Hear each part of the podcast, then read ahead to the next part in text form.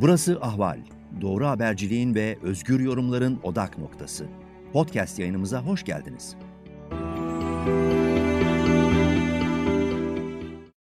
İyi günler sevgili izleyiciler ve dinleyiciler. Sinematek'in yeni bir bölümüne hoş geldiniz. Ben Ali Abaday, program partnerlerim Pınar Üretmen, Selim Eybol ve Caner Fidaner'le birlikte yeniden karşınızdayız. Bu bölümde konuşacağımız film 94. Oscar ödüllerinde dört dalda adaylığı bulunan Meksikalı yönetmen Guillermo del Toro'nun son yapımı Nightmare LA. Ee, başrollerinde Bradley Cooper, Kate Blanchett, Tony Collette, William Dafoe, Richard Jenkins, e, Ronnie Mara, Ron Perlman gibi pek çok ünlü ismin bulunduğu bir film 1946 yılında aynı isimlime sahip bir romandan uyarlanıyor. William Lindsay Graham'ın ee, ve benim açımdan özellikle Del Toro'nun e, bütün filmlerini izleyen, onun filmlerini çok seven bir kişi olarak, onun e, izleyicilerinden biri olarak ilk defa yönetmenin fantastik öğelere girmediği, fantastik öğeleri filmin ana eksenine eklemediği bir film. Ama önce Caner'e dönüyoruz. Yönetmen ve oyuncular hatta yazar hakkında kısa bilgiler almak için. Ee, sağ ol, teşekkür ediyorum. Aslında e, en fantastik taraf insan zihni biliyorsun. Burada da Guillermo del Toro e, insan zihniyle ilgili bir takım göndermeler yapmış. E, romandan daha fazla diye düşünüyorum. Şimdi 2021 Kabus Sokağı Türkçe adını da söyleyelim.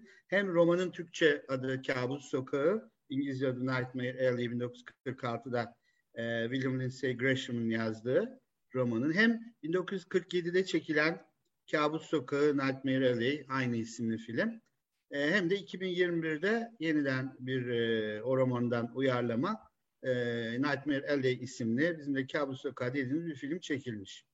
Burada e, tabii Benicio Del Toro'yu biz Guillermo del Toro'yu pardon şey yapıyoruz. Ee, çok seviyoruz önceki filmlerini de. Onun için bunu da heyecanla bekliyorduk. Şimdi e, ben aslında e, demin isimleri verdim. Ondan sonra e, bunlardan e, üçü arasında bir karşılaşma yapmak istiyorum. Roman e, tarot kartlarını bölüm başlıklarını almış. 22 e, bir bölümden oluşan bir roman e, ve her biri bir tarot kartına karşı geliyor. E, ve bayağı kapsamlı bir roman. Ama film çekmeye çok müsait. Aslında bana sorarsan dizi çekmeye çok müsait. Yani Del Toro bunu dizi olarak da yapabilirdi ama nedense şey film olarak yapmış. Belki ileride dizisi de gelebilir bu arada onu söyleyeyim. Ondan sonra e, ve işin içine psikolojik öğeler, işte adeta e, Freudian e, öğeler ek olarak e, işte e, Del Toro'nun kattığı şey mesela tek gözlü hilkat garibesi e, konusu başından sonuna hani filmin başının sonuna bağlayan bir öğe olarak görünüyor. O e, yeni çevrimde var. Eski çevrimde romanda yok. E, 47 tarihli film çevrimi daha çok bir e, macera filmi, bir miktar aile draması gibi de düşünülebilir. Hatta e, bir e, kara film, film noir e, döneminin başlangıcı diyenler de var. Her halükarda sirk ya da panayır e, dünyasını anlattığı için e, ilgi çekecek bir film. Hani insanları nasıl aldatıyorlar. Hemen şeyi birbirinden ayıralım. İllüzyonist vardır. Bir de sihirbaz olduğunu iddia edenler vardır. İllüzyonist el çabukluğuyla bir şeyler yapar. Biz biliriz onun gerçekte bir hile şey yapmadığını, e, ne derler, insanüstü bir özelliği olmadığını ama bir becerisi olduğunu biliriz. Ama işte medyumluk gibi, ruh çağırmalıklar gibi bir de işin e, şey tarafı var. E, ben işte öbür dünyayla ilişki kuruyorum iddiası filan var. E, bu ikisini birbirinden ayırt etmek lazım ki filmin konusu anlam taşısın hem filmin hem romanın. Yalnız burada hemen bir şey hatırlatmak istiyorum. Filmin e, biz spoiler vermeden anlatmak zor. E, herhalde spoilerla anlatacağız. Biz sonuna Çünkü... kadar biz Heh. spoiler'ın hep sağlam spoilerlar vereceğiz filmle ilgili. Onda bir sıkıntı evet. yok. Bizi bir izleyenler biliyor. Biz spoilersız program yapamıyoruz. Evet, onu baştan uyaralım çünkü işin e, hani keyfini almak için belki baştan filmi seyretmek isteyenler olabilir. E, ve e, işte git diye bir kavram var. E, insan ruhuna e, bakan bir özelliği var. E, bu yeni çevrimin. Romanla ilgili bir şey söyleyeceğim. E, Avi Pardo Türkçe'ye çevirmiş e, ve güzel de çevirmiş. Ben aslında onu da okumalarını öneriyorum kitap severlere. Ondan sonra e, şeyi Şöyle söyleyeyim. bir şey var. 1947 yapımı film ilk çekildiğinde çok fazla bir gişeye sahip olamıyor. Çok böyle parlamıyor. Sonradan bir tekrardan bir değerleniyor. Evet. Yani ilk etapta seyircinin çok ilgisini çekmiyor. Aslında bu 47 yapımında en büyük e, şey e, Tyrone Power, en büyük kozu filmin. Çok yakışıklı bir adam Tyrone Power ve doğrudan doğru bir macera gibi çekmişler. Sonradan gündeme geliyor. Ondan sonra da yeniden çevrimi yapılıyor. E, filmimizde kahramanımız işte bir el çabukluğu ile başlayıp giderek e, ben aslında neler yapabilirim, insanları kandırabilirim deyip işi medyumluğa falan götürüyor. Romanda bu medyumluk kısmı çok daha uzun. Ama sonuçta e, göçüyor. Öyle diyelim. İnsanın çöküşünü görüyoruz. Evet. Deyip şimdilik bırakayım. Ha isimleri söylemiştin sen ama bu e, son çevrimde Bradley Cooper star rolünde yani işini görmüş. E, üç kadın var. Zeyna, Tony Collette, Doktor Lilith, Kate Blanchett, Lilith isminin altını çizerek devam ediyor. Bir de Molly var. Rooney Mara. O da genç masum. Bundan ayrı William Defoe var. Richard Jenkins var. Ve baştaki Pete karakteri e, çok e, şey yapıyor. E, dikkat çekiyor diye hatırlatayım. Şimdi Ve keseyim. Evet, film ilginç. Dediğim gibi Del Toro sinematografisinde fantastik öğeler olmayan ilk film olarak ben görüyorum. Bunun dışında 1932 yapımı Freaks'i de andıran kimi sahneler var. Ve ama öncesinde bir e, şeyi de var. Hani bugün konuşacağımız konular içinde bir doktorumuzun adı Lilith'ten bir kısım da olacak. Onu da belirtelim. Ben ilk Pınar'a sorayım. Sen filmi nasıl buldun? Beğendiğin kısımlar nelerdir? E, filmi güzel buldum. E, özellikle hani ben de e, Del Toro'yu çok seven bir insan olarak merakla bekledim. Evet fantastik Toro'nun çok ama bu sefer de fantastik öğeler yerine galiba psikoloji öğeleri film içine koymuş ve hani e, fantastik olan e, yerine insan psikolojik olanla da aynı şekilde e, doğa üstünü okuyabilir gibi de farklı bir boyut katmış. Şimdi bu filmi bu kadar çok sevmemin nedenlerinden biri anlattığı konunun ötesinde Del Toro'nun yönetmenlik becerisi diyeyim. E, şimdi bu filmde bir geek karakterimiz var. E, filmin daha başında Stan ilk sirke geldiği zaman bir e, şey görüyor, bir canavar görüyor. diyor ki yarı insan, yarı canavar bunu görmeye gelin diye tanıtıyorlar. E, ve işte çiğ çiğ tavukları yiyen bir karakter o. Bu yarı insan, yarı canavar e, metaforu olarak bütün filmi aslında yayılmış halde. E, bizim burada gördüğümüzde bütün karakterlerin yarı insan, yarı, yarı canavar halleri yani karanlık halleri, insanın karanlık hallerini anlatıyor aslında diyebiliriz herhalde.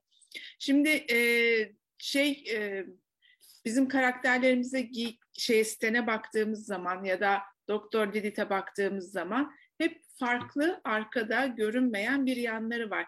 Ee, şeyin e, filmin en önemli karakterlerinden biri Zeyna'nın eşi olan Pete'in bir sözü var. İnsanlar kim olduklarını söylemeye bayılırlar diyor. Görünmek için can atarlar. Ee, zaten bu hani kandırmacı olayı da buradan başlıyor. Ana karakterimiz Stan e, Bradley Cooper'ın oynadığı e, zihin okuyarak bir şeyler yapacağını e, söylüyor. Bunu da Pete'den öğreniyor. Ve bu zihin okuma işini medyumlukmuş gibi gösteriyorlar ama aslında yapılan şey insanların dışa vurdukları davranışlarıyla onların kim olduklarını anlamaya çalışmak. Yani bir şekilde aslında psikiyatrların ya da psikologların e, vücut dilini, e, söylenmeyen sözleri, niyetleri okuyarak insanların karakterlerini ve dertlerini anlamaları ve konuya e, değinmeleri gibi. Zaten bir psikolog sanırım, psikiyatr değil ama Doktor Lilith, e, bir e, psikiyatriye karşı da hani e, medyumluk mu, psikiyatri mi, onun yerini bu mu aldı gibi bir soru da ortaya atmış sanki Del Toro gibi geldi bana. Ee, şey şimdi psikiyatride bizim bildiğimiz bir kavram var. Her insanın karanlık bir yanı vardır. O içindedir ve onu kabul etmek istemez. E, çünkü hani iyi insan olmak ister, kabul görmek ister falan filan. Jung'un bir sözü var diyor ki her insanın karanlık bir yanı vardır, kötülük vardır her insan içinde. Bunu da kabul etmeyerek kötülüğünün yanına bir de aptallık ekler. E, şimdi burada da karakterlerimize baktığımız zaman hani o e, içerideki karanlık, gizemli yanı bir yandan saklamaya çalışıyorlar. Çünkü herkesle aynı olmak istiyor herkes. E, biz istiyor, olmak istemiyor, topluluktan ayrı olmak istemiyor. Ama bir yandan da ben biriciyim, benim özelliğim var. Bakın beni görün demeye çalışıyoruz. O kapalı tuttuğumuz, gizlediğimiz yanı göstermeye çalışıyoruz. İşte akıllı olanlar e, ya da bu işi iyi bilenler, medyumlar ya da psikiyatrlar ya da insanı dolandırmayı iyi bilenler o alttaki karanlık yanı iyi okumayı becerenlerdir diyor bu film sanki. E, gene şeyin Doktor Lilith'in bir lafı var diyor ki insanlar e, sana sen insanları kandırmıyorsun. İnsanlar kendi kendini kandırıyor diyor. İnsanlar kendilerini açık etmeye başlıyorlar ve böylelikle de işte onları okuma, onları öğrenme şansı oluyor. E, bu birazcık sitenin e, yani ana karakterimizin yolculuğu olarak da görebiliriz. E, ilk başta bir e, cinayetle başlıyor film alevler içinde. Daha sonra bir yola çıkıyor ve sirke ulaşıyor. E, şimdi e, burada hani insanın karanlığı, insanın karanlık yanı diyoruz. Daha sonra şöyle bir şey yapmış yönetmen olarak. Filmi de ışık gölge oyunlarıyla kurmuş. Yani filmin içeriğiyle filmin e, biçimi arasında çok güzel bir denge kurmuş. Bu da seyredilirliğini ve sanatsal kalitesini çok arttırmış bence. E, hem kostümler hem dekor hem kamera açıları inanılmaz güzel. Ama özellikle bu ışık gölge oyunları, bu chiaroscuro deniyor, e, ışıklı gölge. E, resimlerde de özellikle Edward Hopper'ın e, resimlerinde çok kullanılan bir şey. E, bunu özellikle vurgulamış. E, Del Toro zaten ışık gölge oyunlarını çok seviyor. Bütün filmlerinde var. Özellikle Pan'ın Labirentinde ben hani onun çok e, derinliğine indiğini düşünüyorum. Burada da mesela filmi ilk baktığımızda en başta bir yangınla başlıyoruz. Daha sonra gündüz oluyor. O gündüzün içinde bir arabaya biniyor ve yolculuğa çıkıyor.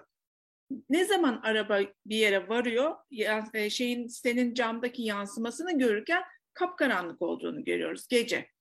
Ama gecenin ötesinde bir karanlığa varıyor ve o sırada dışarıdan bir ses duyuyoruz. Yolun sonu geldiniz diye. Bu ışıktan karanlığa gelmesi aslında bir karanlığın içine girmesi.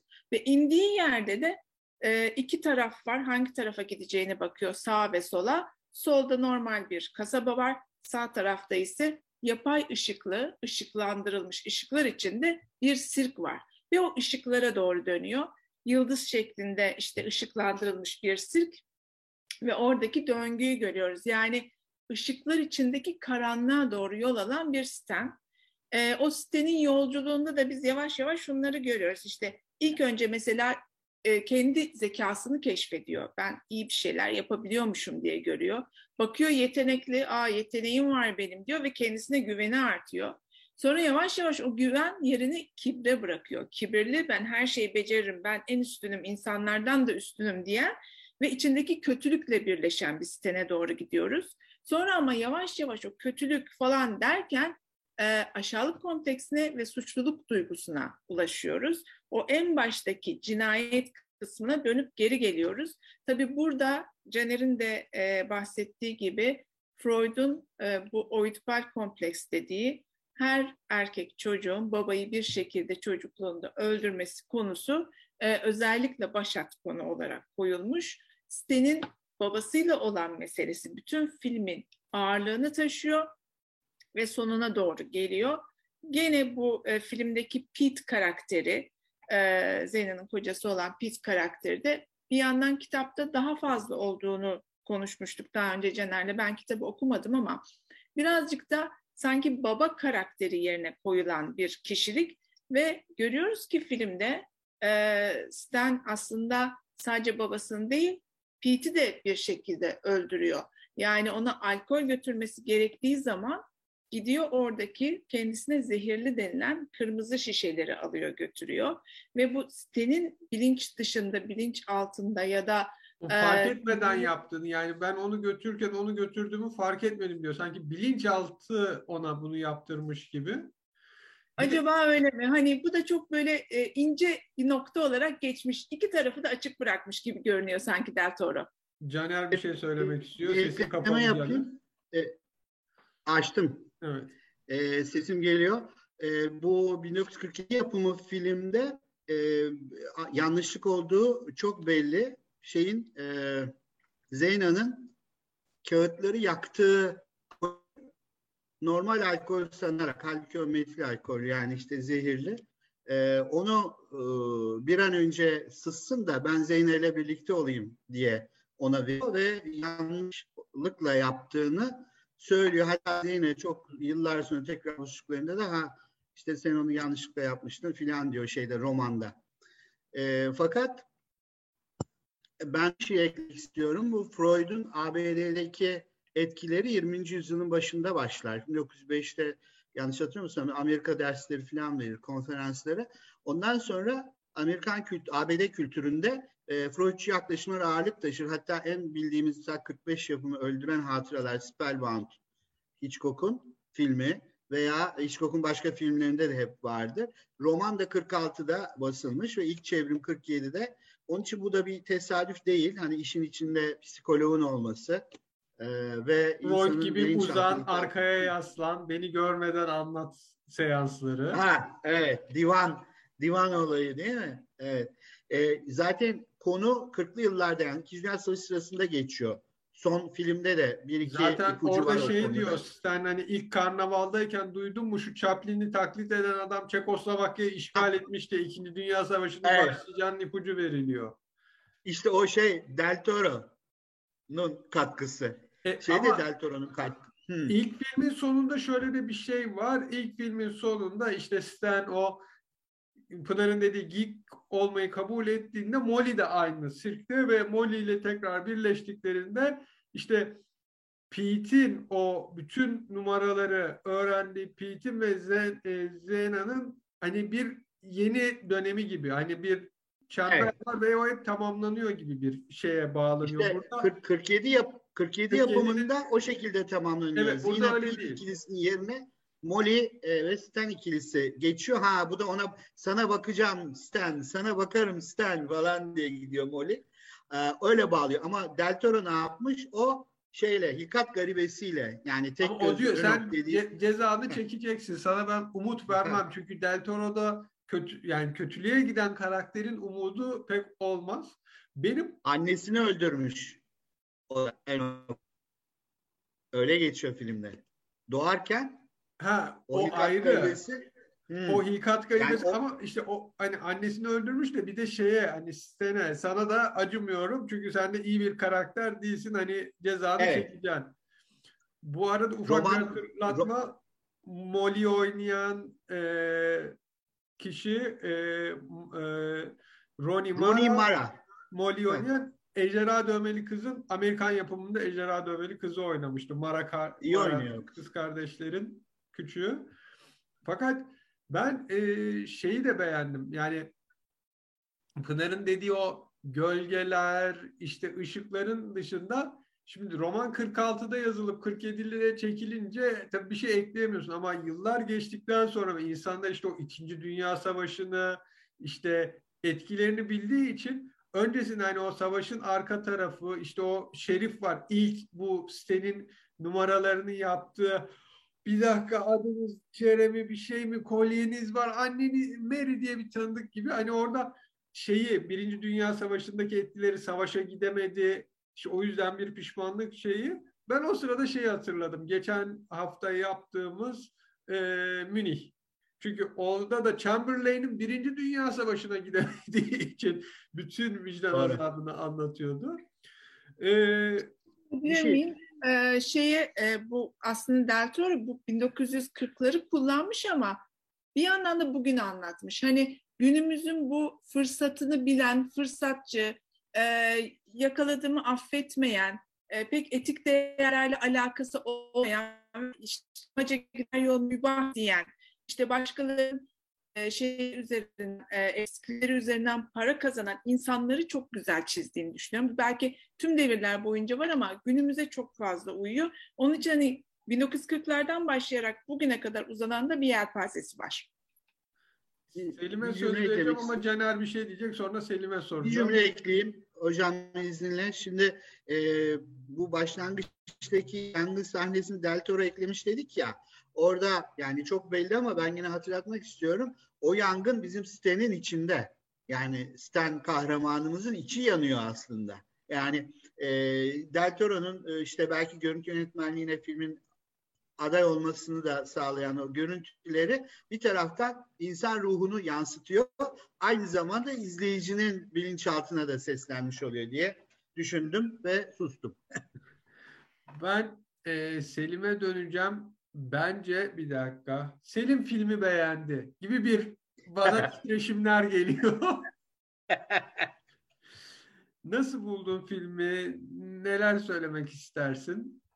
Film e, gerçekten çok böyle yani seyretme insanın hani böyle şey seyretme isteği doğuran e, çok güzel akan bir tür neo-noir diyebileceğimiz türe ait bir film bence e, zaten e, yani feminist ilişkiler, fanfatar yani birçok ögesi Fenoir'ın burada e, var hem de eksiksiz e, olarak bir bakıma. Ama ben biraz geri döneceğim. Tam ne konuştuğunuzun büyük bir kısmını kaçırdım ama e, bir anekdotla başlayan filmin bence can alıcı noktasıyla ilişkili olduğu için.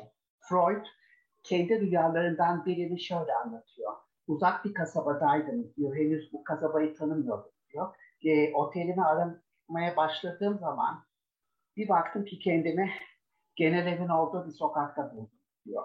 Sonra biraz utanaraktan yolu değiştirdim ve tekrar aramaya başladım. Sokak sokak dolaşmaya başladım. Yine kendimi genel evde buldum ve yine bir türlü oradan çıkamadım diyor. Şimdi bu filmde de aslında Stan karakterinin, Stan değil mi adı? Şey, e, ana şey e, şeyden çıkamaması, o babasıyla olan ilişkisi, o ilişkisini koparması ama baba ilişkisi denilen o ilişkinin kendisini bir türlü bulamaması, e, defalarca baba figürlerinin karşısına çıkması, e, her insan aslında şey, e, şimdi isimler yine şey olacak ama e, isimleri bir bakmam gerekiyor kusura bakmayın. Ee, bu suçlu adamın hani karısına şey yapmak e, o kişi söz gelimi. Daha sonra yine e, bu e, karnaval mekanındaki yaşlı adam e, bunların hepsi aslında kendi baba figürleri ve tekrar tekrar karşılarına çıkıyor. Ve Freud'un şöyle bir şey var bir e, bu sefer rüya değil. E, Birinci Dünya Savaşı sırasında Avusturyalı genç bir komutan şey yapıyor asker ya da e, Freud seanslarına gidiyor. E, çünkü travmaları var. Ve bir noktadan sonra giderek agresifleşmeye başlıyor ve Freud'un kendisini babasıymış gibi görmeye başlıyor. E, ve ona şey e, azarlamaya filan içindeki babasına ilişkin birikmiş o hıncını, öfkesini Freud'a e, yöneltiyor. Freud yıllar sonra bunu transferans olarak şey yapıyor. Yani başka birisine ait yaşadığı ilişkileri kendi geçmişine ilişkin başkasına yönlendiriyor. Çünkü onda aslında kendi geçmişini, kendi babasıyla ilişkisini görüyor. Burada da çok benzer ilişkiler oluyor. Yani Stan Karnaval'daki Pete ve bu zengin Grindel üzerinden diyorsun. İsimleri hatırlatayım diye söyledim. Evet, evet, evet, evet. Sağ ol. Ee, bunlar üzerinden hep böyle bir şekilde babasıyla tekrar e, yüzleşiyor ve ona karşı agresifleşiyor. Aslında Lilith'le olan seansları da ilginç, ilginç o açıdan. Sürekli ben asla içmem. diyor mesela. Lilith sürekli o asla sözünün üstüne dikkat çekiyor ve şey yapıyor. Niye bu kadar kesin ayrımlarla kendini şey yapıyorsun, nasıl ayrıştırıyorsun falan gibi. Muhtemelen orada bir travma e, ilişkisi e, görüyor. Bu bakımdan bakınca yani filmin sonu da çok çarpıcı. Çünkü tıpkı Freud'un o dönüp dolaşıp genel bir şey yapması gibi kendisi de aslında bir noktada baba figürüne dönüşüyor ve kaçmaya çalıştı, ulaşmak istediği. Yani bir şekilde şey, yani Freud'un yine mi e, meşhur bir söz vardı, bilmek her zaman hedefine ulaşır diye. Yani bu da kaçamayıp ende sonunda aynı noktaya geri dönüyor. Yani tam kaçmak istediği şeyin kendisine dönüşüyor. Bu açıdan bakınca bence çok etkileyici bir film. Biraz üstelik e, hepinizin biraz vurguladığı bu fantastik bir film değil. Hani buna katılıyorum ama filmin en başındaki o şey karnavalda ki bütün ögeler aslında fantastik. Mesela günahlara davet, insanlar günah tüneline giriyor. Ondan sonra bir duvar var gözlerle dolu. Böyle gözler tamamen şeye bakıyor ve e, kendi günahınızla mı yüzleşmek istiyorsunuz diyor. Bir ayna var mesela. E, o aynaya bakınca kendinizi görüyorsunuz, günahlarınızı. Dolayısıyla aslında sürekli bir günah ve şey üzerine yani insanları e, sıradan o karnavalı görmeye gelip hani para ödeyip görmeye gelen insanların kendileri de bir yerde kendilerinin o en iç şeyleriyle yani günahlarıyla filan bir şekilde yüzleşiyor ya da ondan kaçmak istiyorlar belki.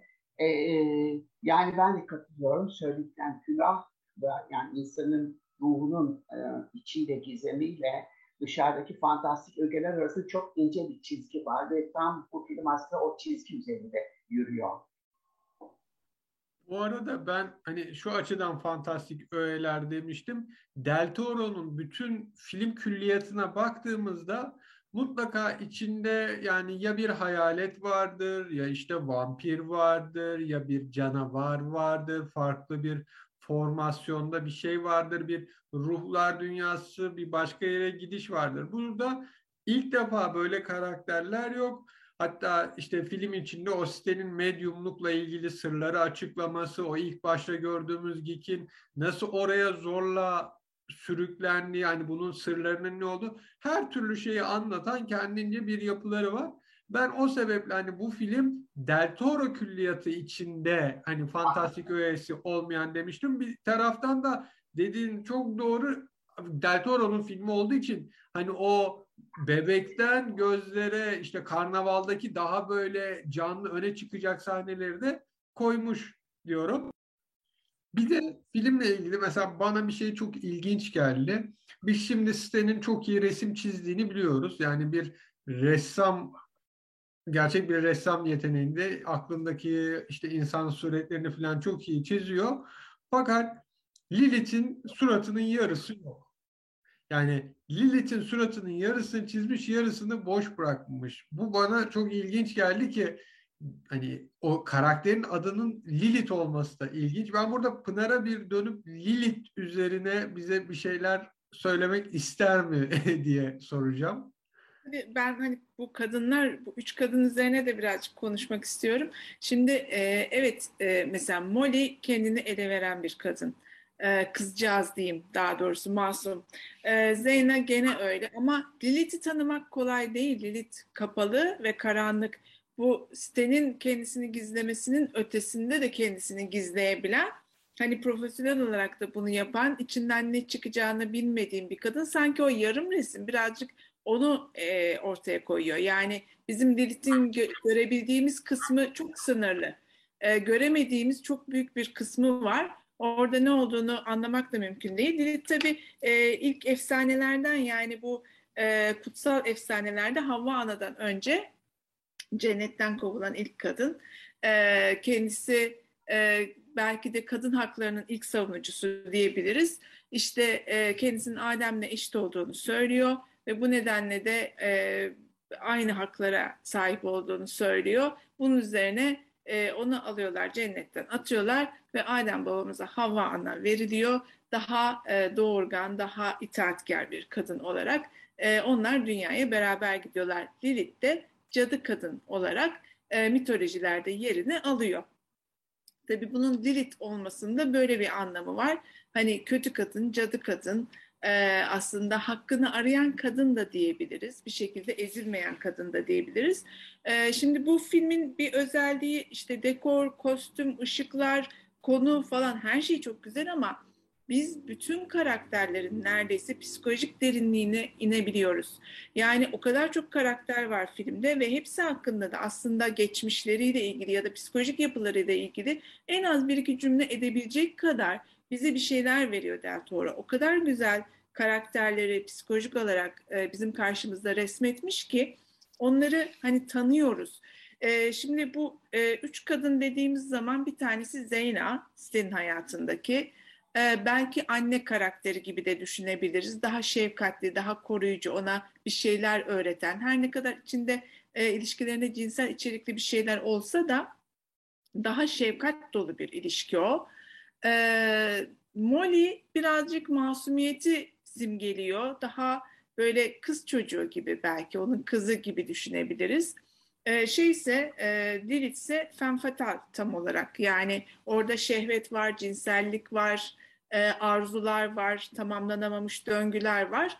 Böyle üç ayrı kadın çizmiş e, bir yandan. Yani baba e, figürleri ve baba komplekslerinin dışında kadınlık hallerini de ayrı ayrı anlattığını düşünüyorum ben Del Toro'nun. Hani bunu da başarılı bir şekilde yapmış ve düşüşler e, femme fatale'den geliyor. Yani e, daha cinsellikten, cinsel yükten geliyor. O sırada onu korumaya çalışan ya da yanında olmaya çalışan masumiyet ama o masumiyet de bir yerden sonra yani Molly'de e, bu kötülükleri gördüğü zaman kaçıp kurtulmak istiyor. Yapabileceği başka bir şey yok. Gerçekten hani öyle bir yere geliyor ki Sten artık bu en son Ezra e, Azra e, e, yani bu adamla karşılaştığı zaman orada hani artık öldürme dürtüsünün önüne geçiyor, dolandırma dürtüsünün önüne geçemiyor. Böyle bir yerde hani Molly'nin de kaçıp kurtulmak dışında bir şansı kalmıyor sanki. Molly biraz da şey hani o senin görmek istemediği yüzünü görüyor, mecbur kalıyor, görüyor.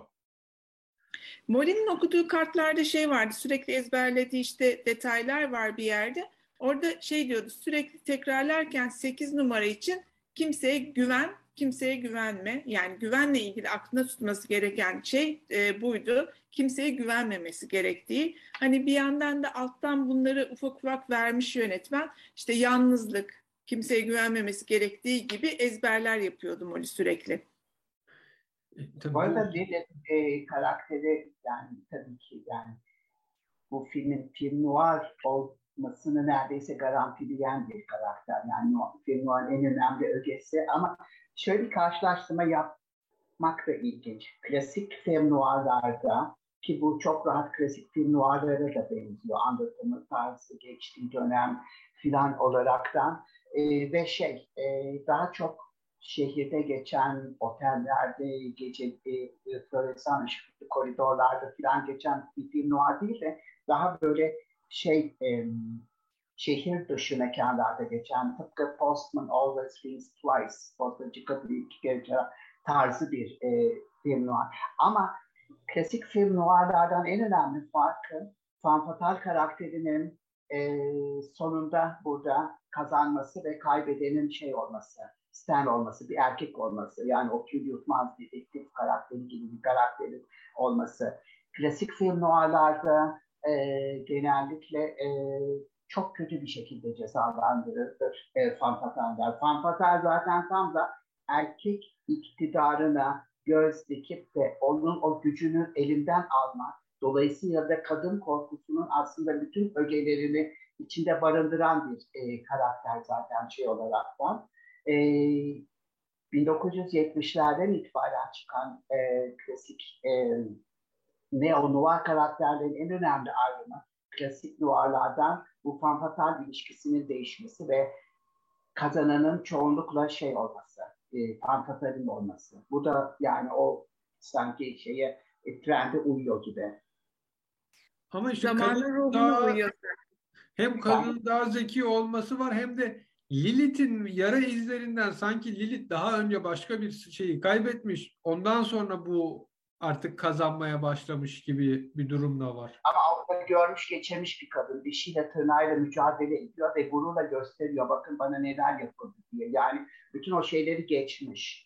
Westernlerde de bir böyle bir düşmüş kadın karakteri vardır. Yani her genelde e, çalışır. Her türlü zorluğu, her türlü şey er, e, gaddar erkeği falan böyle bir şekilde onlardan kurtulmuştur. Hayatı boyunca mücadele ederek Lilith de öyle birisi ve zaten e, Ezra'dan bahsederken yani çok ağır sonuçları olacaktır. Yani onda şey yapmanın ağır bir bedeli olacaktır. Bir bedel yaşamadan onda şey yapan onun şeyin önerisini kabul etmemelisin falan diyor. Kendisi o bedeli yaşamış birisi. Bir de e, tabii Lilith'in parayla bir derdinin olmadığı da çok iyi vurgulanıyor. Yani e, onu Sten de söylüyor. Sen para istemiyorsun hani derdin ne diye. E, parayla hiçbir işi yok çünkü zaten hani parayı çok güzel kazanmış bir kadın. E, onun derdi hani birilerini alt edebilmek belki. Evet. Güç. Caner bir şey söylemek istiyor. Ya e, benim kafama takılan bir şey var. Yani çok da cevabını veremedim. Bu filmi ahlakçı bir film olarak anlatılan şeyleri? Şunu e, hemen dipnot olarak söyleyeyim. E, romanda bir papaz yani papaz oluyor şey e, Stan papazlık brevesi alıyor ve e, medyumluğu işte papazlığın bir kilisesi yani kurduğu ispiritizma kilisesi gibi bir kilisenin e, şeyi altında yapıyor, şemsiyesi altında yapıyor ve orada hani din e, sofuluğu adeta eleştiriyor. Ya da işte insanların zaaflarını böyle sahte din insanlarının e, nasıl sömürebileceğini falan anlatıyor diyelim. E, şeyde e, fakat böyle bir e, insanları aldatan kişinin giderek düşmesi bir taraftan da ya işte bak kimseyi aldatmayın sonunuz böyle olur falan gibi bir ahlakçı yorumla e, düşünülebilir mi e, diye de aklıma takıldı yani.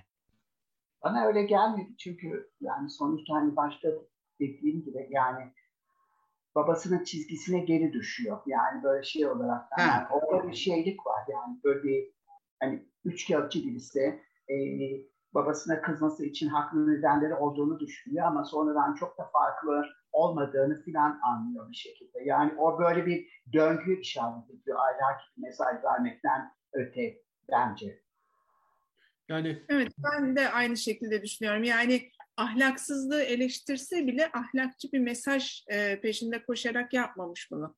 Şeyden de kızıyor. Annesini kaybettiği için babasına bir hıncı var ama o da Molly'yi kaybediyor. Yani elinde tutamıyor.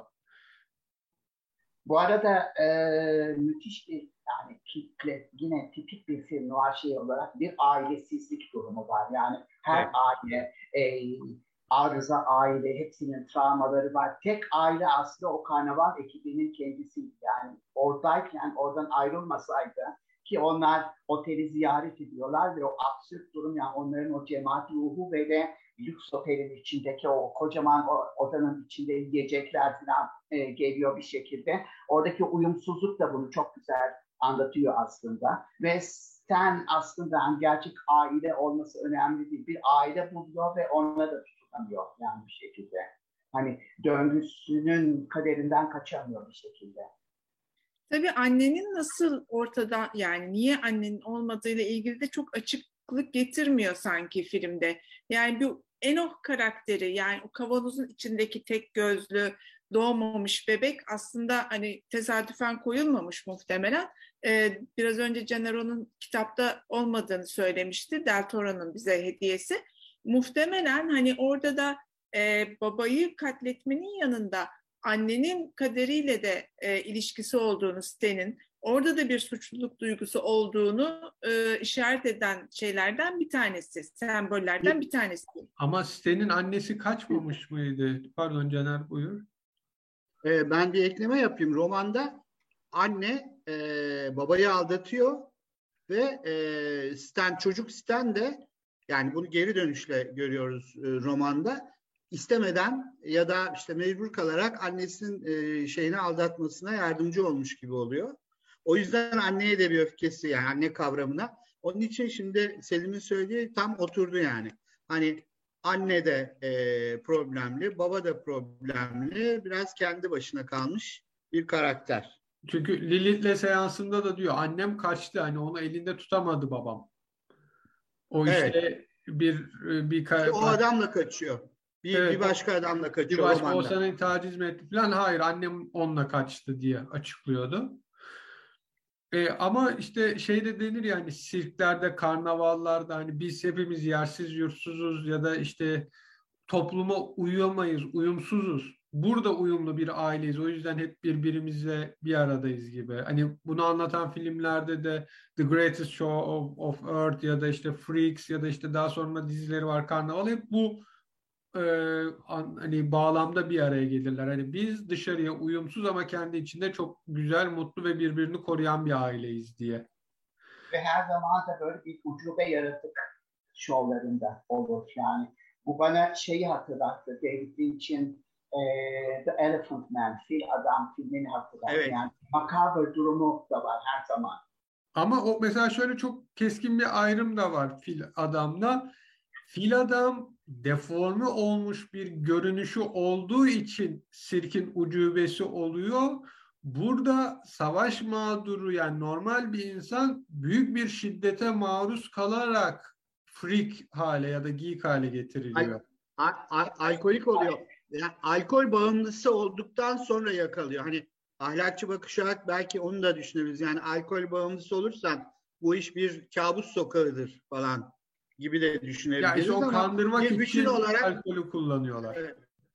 evet. Ama Alkol şöyle bir şey bağımlılığı. var. Yani bunu bir freak, bir ucube olarak tanıttıkları sürece insanlar ona öyle bakıyor ve öyle bakmanın kendisi onu daha da ucubeleştiriyor. Yani orada çıkamadığı bir e, kısır döngü Evet. var. Yani bir mite dönüşüyor onun canavarı. E, Stan aslında ironik bir şekilde ondaki o alkol etkisi ve şeyde ve ben göründüğüm değilim diye bir söz söylüyor hep e, e, şey e, o Evet. karakter. Ve Stan onu bir şekilde anlıyor. Karşısında duruyor, uzun uzun seyrediyor, iletişim kurmaya çalışıyor, konuşmaya çalışıyor. Onu da kendi bir çekiyor. Tabii şimdi karnavallarda, sirklerde kimlerin insanları kandırmaya çalıştığını çok net görüyoruz. Hani orada medyumluk yapıyormuş gibi görünenler falan her neyse. Ama gerçek hayatta da işte bu kandırma işinin çok e, kimin elinde olmadığı ve çok rahat yapıldığı hatta işte bir doktor karakterinin hastalarını nasıl kandırdığı işte falan gibi bu e, güven, güvenmeme ve e, bir şekilde insanların kötülük yapmaya başladığını, nerede olduğunu çok önemli olmaması. Her yere yayılan kötülük belki. Bütün toplumun katmanlarına rahatlıkla sızabilecek bir kötülük gibi de görebiliriz filmi. Lilith'in e, ofisindeki teknoloji bile onu şey yapıyor. Yani büyük bir ihtimalle o kaybettiklerini şantaj malzemesi olarak da kullanıyor Lilith de bir şekilde. Dolayısıyla her aşamada, her alanında, her teknolojinin kendisi de buna eklem vermiş. bir eklemek istiyorum. Bir tane mağara resmi vardır. Ee, böyle işte ge- geyik postu giymiş bir insan gibi düşünülür. Ee, yanlış bilmiyorsam ona paleontologlar şey diyorlar. Hem rahip hem büyücü hem otacı hekim e, olan bir mağara resmi. Hani şöyle durur hatırlarsınız. Boynuz filan hani e, geyik postu vardır üstünde. Şimdi adeta bir taraftan işte romandaki rahiplik ya da din öğesinin kullanılışı. Bir taraftan e, işte büyücülük, işte e, medyumluk, öbür dünyayla ilişki kurma gibi büyücülük. Bir taraftan da e, Lilith'inki gibi hekimlik. Bunların üçünü bir arada belki Lilith'te ve diğer e, kahramanlarda da karakterlerde de görebiliyoruz gibi geliyor. Öyle bir post geçiriyor ki insan üstüne. Bu şekilde insanları ben aslında içeride insan gibi duruyorum ama ben aslında işte bir taraftan büyücüyüm. Ben bir taraftan din insanıyım. Ee, öbür dünyayla ilişkini kurarım gibi böyle bir e, üstüne bir post alıp kandırma gibi bir kavram aklıma e, geliyor. Yani filmde anlatılan konseptle ilgili olarak. Film dışında romanda bu yanılmıyorsam rahipliğin yanında bu şeyi götürüyor. Sen de demiştin Evet. sen. Şimdi Evet. Amerika'da da şöyle bir şey var. Özellikle 1940'larda bu daha da e, yaygın bir şekilde kilise değil hani Tanrı'ya bağlılık, kilisenin o e, hegemonya kurmasını engellemek üzere alttan alta da şeyler var. Filmler çekiliyor, propagandalar yapıyor. Burada da hani rahipler değil, hani Tanrı önemlidir, rahipler başka bir yere gider gibi alt mesajı olan romanlardan biri ama mesela Del Toro o kısmı tamamen çıkarmış. Onu görüyoruz bu sefer. Evet. Evet. Aslında şey vardır. 20. yüzyılın başında bu medyumluk falan çok yaygınmış. Hani manyetizma, spiritüalizm, e, animal manyetizm diye bir şey, mesmerizm. Bunlar e, bir taraftan işte bilimsel bir şeymiş gibi sunuluyor. Aynı bizim geeky ya da garabet diye geçiyor alt sanıyorum. E, onu sunarken işte biz tamamen bilimsel yöntemler için, bilimsel yöntem şey teknikler için bunu sunuyoruz araştırma için diye bir e, safsata ile sunduğu gibi. E, sonuçta e, tabii bu manyetizm filan e, tamamen e, neyi kötü kötüye kullanmaya, insanları kandırmaya doğru e, yönelmiş ve onun yerine işte gerçek psikanaliz diyelim ya da gerçek psikiyatri gelip bir miktar oturmuş. Pardon bu sırada bana bir şey geliyor. Evet, bu film hiçbir Oscar'ı kazanamayacak gibi geldi bana şu an. Güzel. Oscar'ını alır bence.